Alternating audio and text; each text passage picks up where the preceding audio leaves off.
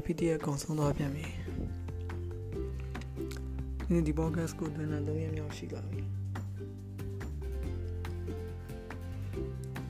ဒီနေ့စသမီးရာတခုပြောပြမယ်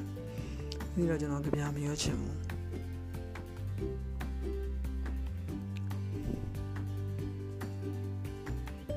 ခါလေးကျရင်ကျွန်တော်တို့ကရက်တန်းဖို့မလို့ဒါမှမဟုတ်ရက်တန်းရင်လည်းရက်တန်းမယ်ဒါပေမဲ့ပြီးရင်တော့ဆက်သွားအောင်မယ် အဲ့ဒါအရေးကြီးရယ်တည်းရမှာကျွန်တော်ပြေးရယ်ကျွန်တော်ပြေးလိပြေးတာမရှိဘူးနေတိုင်းမပြေးဘူးဒါပေမဲ့စိတ်ကူးပေါက်လာရင်ပြေးရယ်တည်းမှာကျွန်တော်ပြေးရယ်ပြီးတော့ပြေးပြီးမကြခင်မှာပဲမောလာတယ်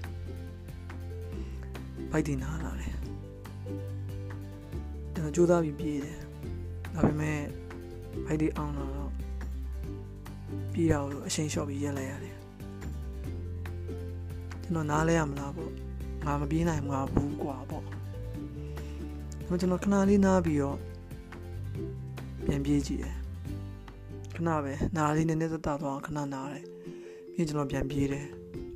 ပြေးတယ်ပြေးတယ်ပြေးတယ်ကျွန်တော်ပြန်ပြေးနိုင်လာတယ်အဲ့လေကျွန်တော်ဆက်ပြီးပြေးနေခဲ့တယ် အဲ့တော့ခရီးမှာခြေနေတဲ့ခက်ခဲနေတဲ့တဲ့လူချင်းတဲ့ပန်းနိုင်ကိုမရောက်တာမျိုးရှိတယ်။ရောက်အောင်တွားရခံနေရမျိုးရှိတယ်။အဲ့ဒီအခြေအနေအလုံးတော့ကျွန်တော်တောင်းခံထားဖို့လိုတယ်။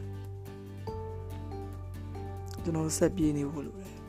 ။မောလာမယ်။ပန်းလာမယ်။ခြေထောက်တွေနားလာမယ်။ဗိုက်တွေနားလာမယ်။ ကျွန်တော်မောရင်ခဏနာမယ်။ဒါပေမဲ့ပြီးရင်တော့ဆက်ပြေးမယ်။အရေးကြီးတာကကျွန်တော်တို့မရက်တန်းလိုက်ဖို့ပဲ။ပန်းနိုင်ကိုမရောက်မချင်း